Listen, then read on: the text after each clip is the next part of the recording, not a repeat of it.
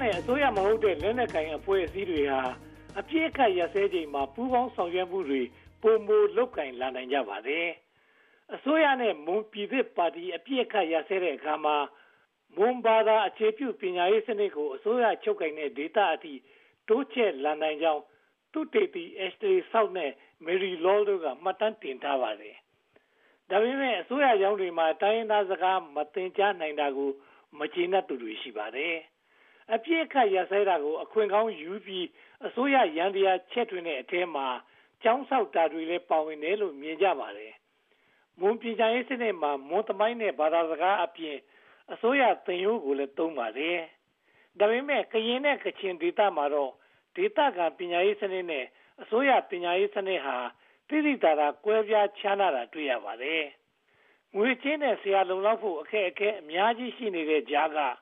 ကချင်ကရင်နဲ့မွန်အဖွဲ့အစည်းတွေဟာ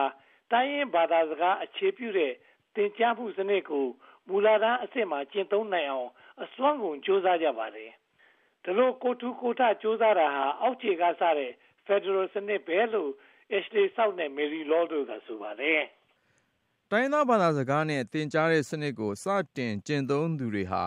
Federal စနစ်ရဲ့နိုင်ငံရေးသဘောတရားကိုနားလည်ခြင်းမှနားလည်မှာပါ။ ဒါပေမဲ့ သူတို့ကျင့်သုံးတဲ့ ပညာရေးစနစ်ဟာ ကိုယ်ပိုင်ပြဌာန်းခွင့်ကို လက်တွေ့ အကောင်အထည်ဖော်သလို ဖြစ်နေပါတယ်။ဖက်ဒရယ်နိုင်ငံ တည်ထောင်ဖို့အတွက် ခေါင်းဆောင်ပိုင်းက ဆွေးနွေးနေကြတာ ဘယ်လောက်အထိ ခရီးရောက်နေမှန်း မသိရသေးပါဘူး။ဒါပေမဲ့ တိုင်းရင်းသားဒေသက ကျောင်းတွေမှာ ကိုယ်ထူကိုယ်ထစနစ်နဲ့ မိမိတို့ဘာသာ ရပ်တည်နိုင်အောင် ကြိုးပမ်းတာဟာဖက်ဒရယ်စနစ်ကို အောက်ခြေက စတင်ကျင့်သုံးတာ ဖြစ်တယ်လို့ ဆိုပါတယ်။ငြိမ်းချမ်းရေးဖြစ်စဉ်တွေဟာ တိုင်းရင်းသားပညာရေးကို တိုးတက်စေတာမျိုးရှိသလို ဆုတ်ယုတ်စေတာမျိုးလည်း ရှိပါတယ် ဒါကြောင့် ပညာရေးကိစ္စနဲ့ နိုင်ငံရေးဆွေးနွေးပွဲ ဆက်စပ်မှုရှိဖို့ လိုပါတယ်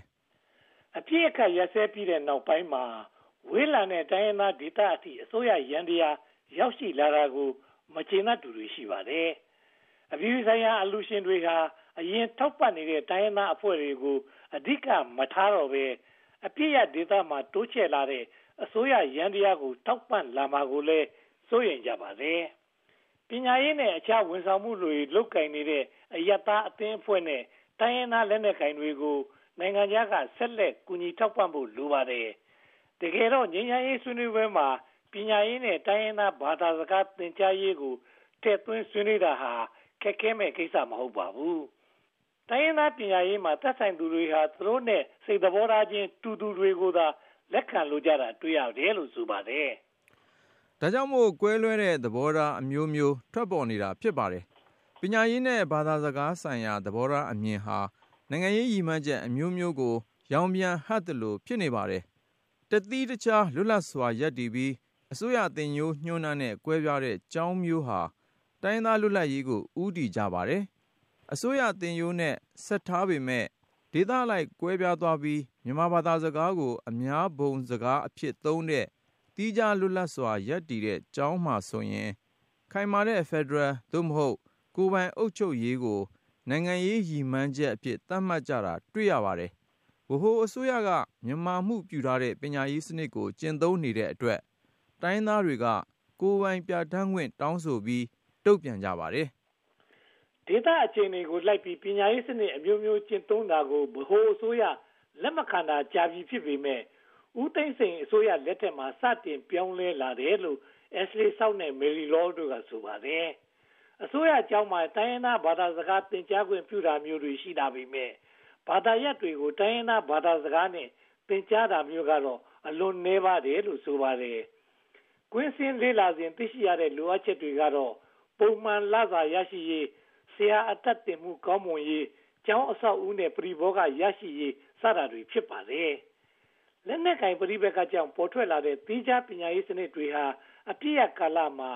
ကျောင်းပြည်သူတွေကိုအခွင့်အလမ်းမပေးနိုင်ပဲဖြစ်နေပါတယ်။ဗမာစကားမတတ်တဲ့အတွက်ဗမာနဲ့ပေါင်းစပ်ဖို့အလုပ်ရဖို့ခက်ခဲပါတယ်။တိုင်းရင်းသားနဲ့ဒေသဆိုင်ရာကျောင်းကိုအစိုးရကအသိအမှတ်ပြုဖို့လိုပါတယ်။ဒါမှသာတိုင်းရင်းသားကျောင်းစင်းတွေဟာအထူးမွမ်းမံသင်တန်းတက်ပြီး တူညီတဲ့အတန်းကို ကူးပြောင်းနိုင်မှာ ဖြစ်ပါတယ်။ဒါလိုလုပ်ဖို့ အစိုးရကစီးမြင်တတ်မှတ်ဖို့ လိုပါတယ်။အခုအချိန်အထိတော့ ဘာမှမလုပ်ရသေးဘူးလို့ Ashley South နဲ့ Mary Law တို့က ဆိုပါတယ်ခင်ဗျာ